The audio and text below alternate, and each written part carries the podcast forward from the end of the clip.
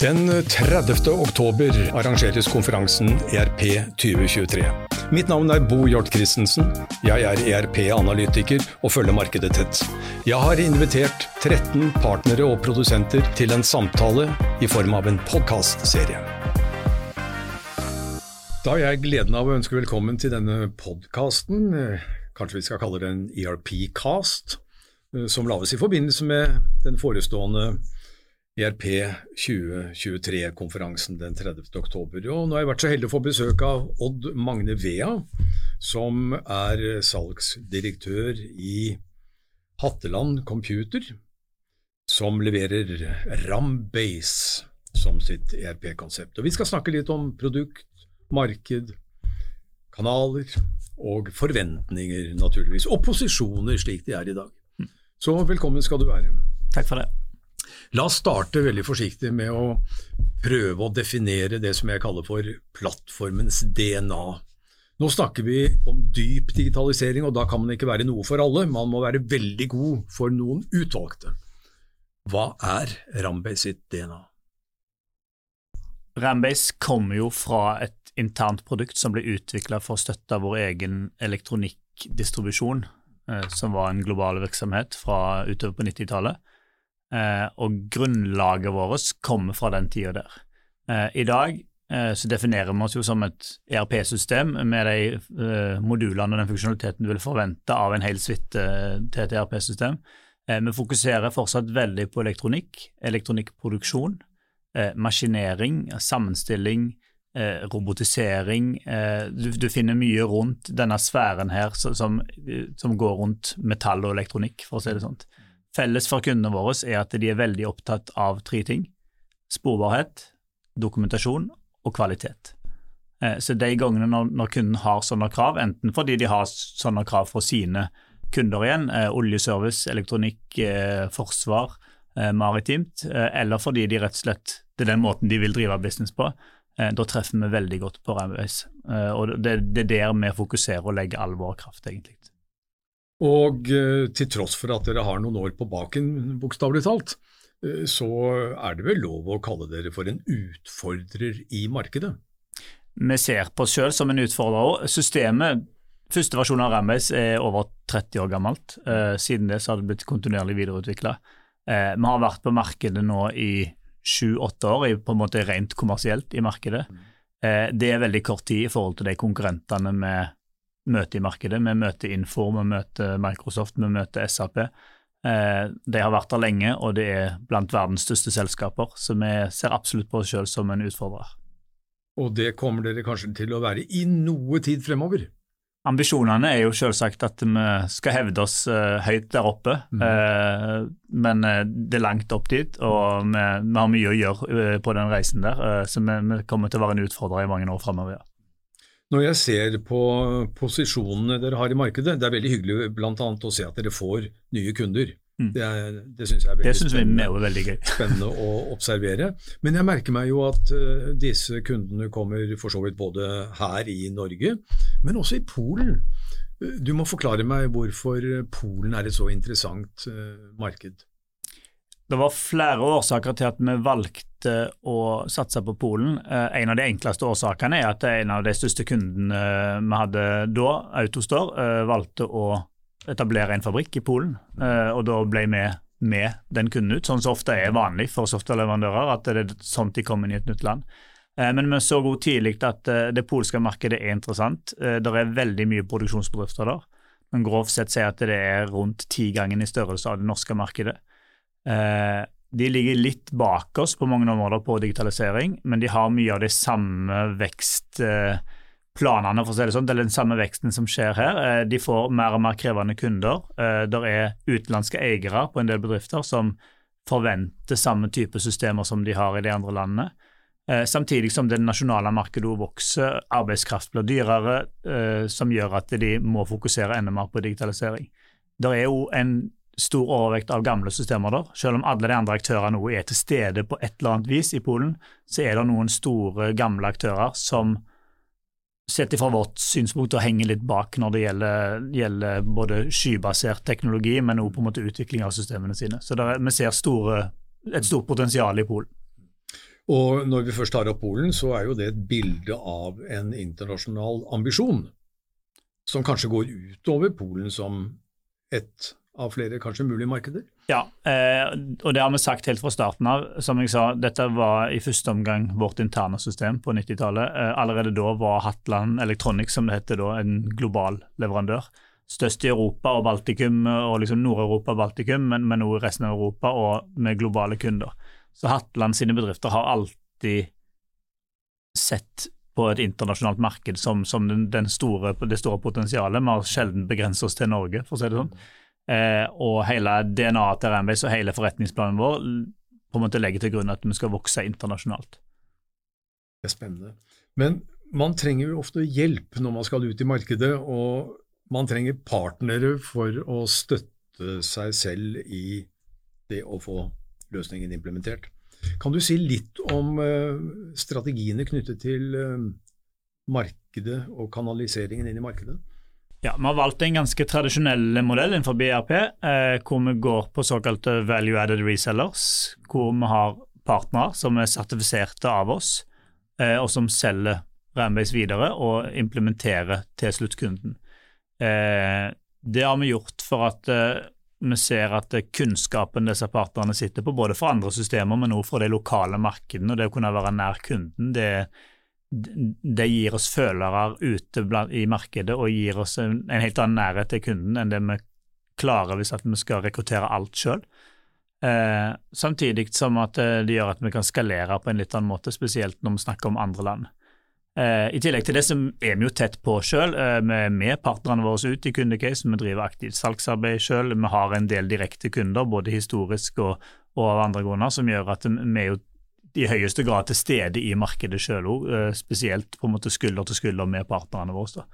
Så, så, vi ser ikke på dette som en, på en måte nødvendigvis en enklere eller billigere måte å komme på markedet, vi ser på det som den beste måten å, å, ha, å komme ut til markedet med på en måte nok bredde og kompetanse.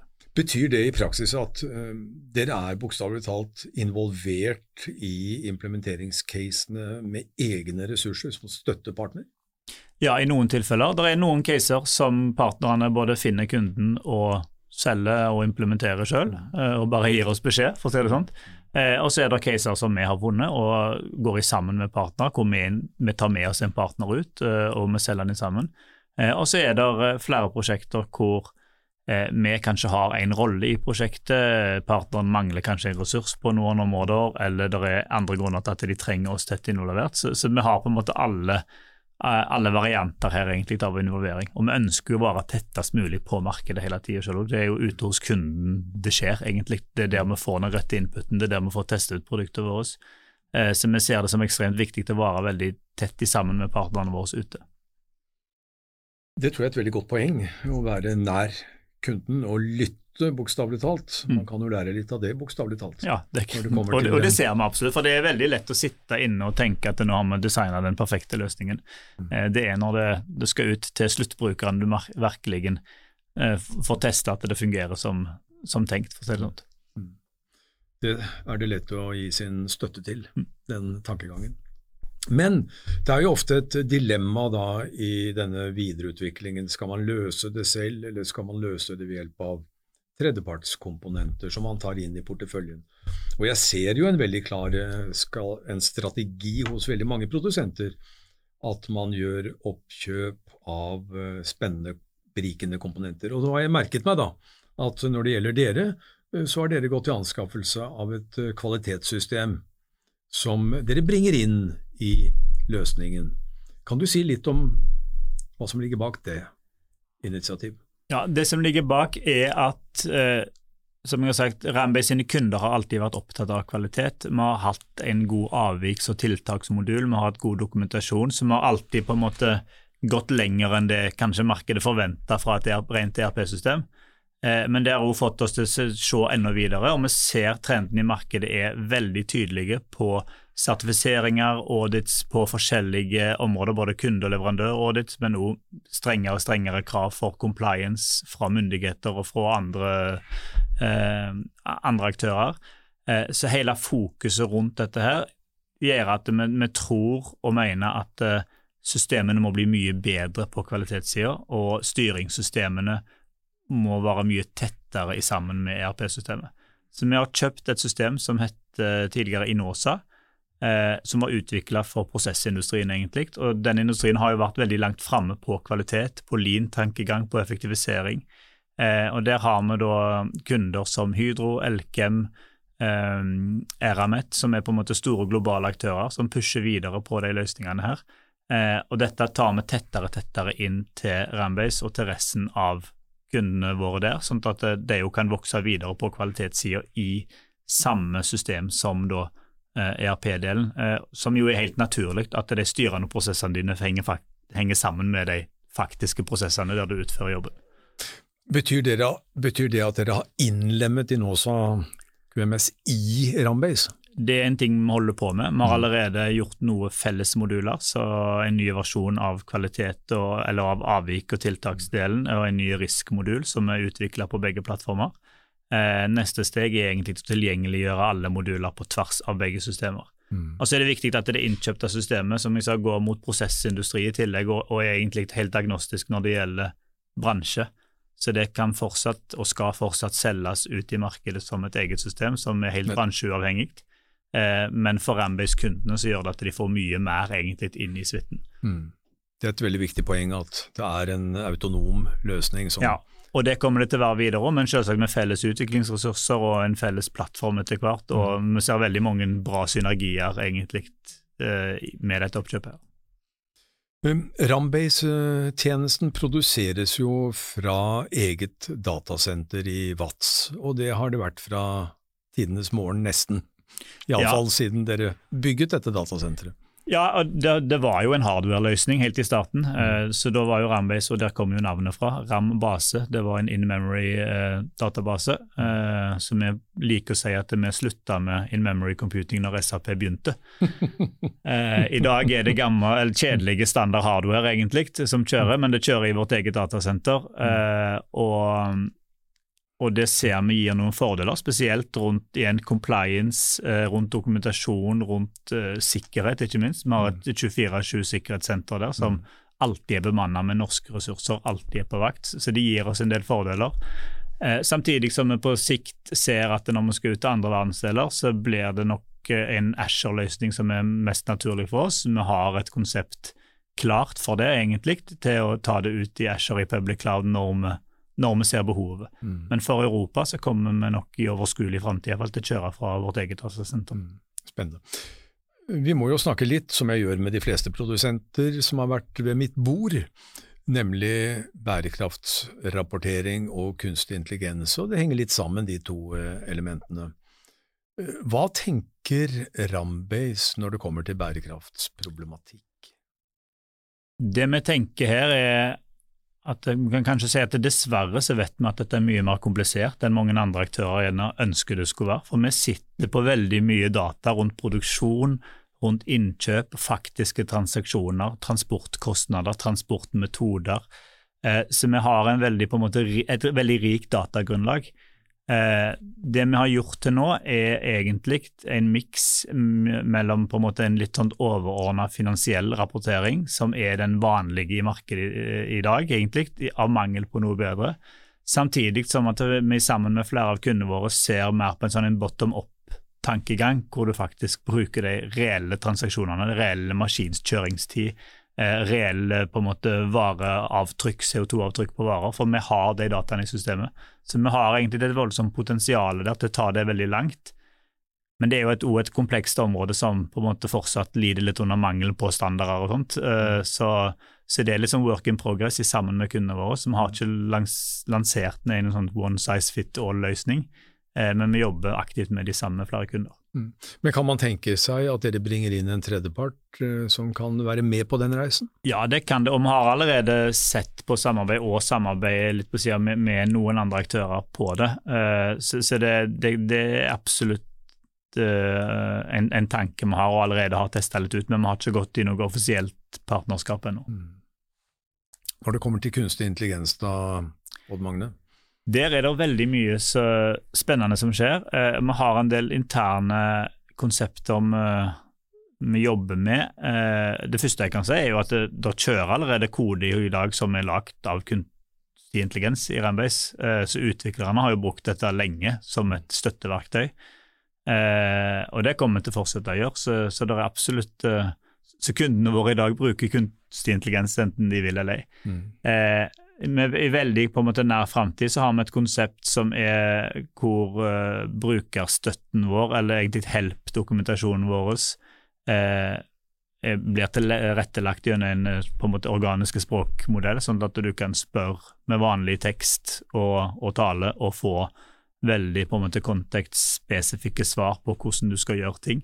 Det er en ting vi tester ut nå som ser veldig bra ut, og på en måte tilgjengeliggjøre brukerdokumentasjon på en mye enklere måte. Samtidig som vi har en del andre mer på en måte datatunge eh, ting som vi jobber med mer inhouse, da, som mm. ikke nødvendigvis eh, blir, en, blir, tjenester som gjerne brukeren merker rett på en måte i, i, i sitt grensesnitt, men, men som er, kan gi oss spennende muligheter framover.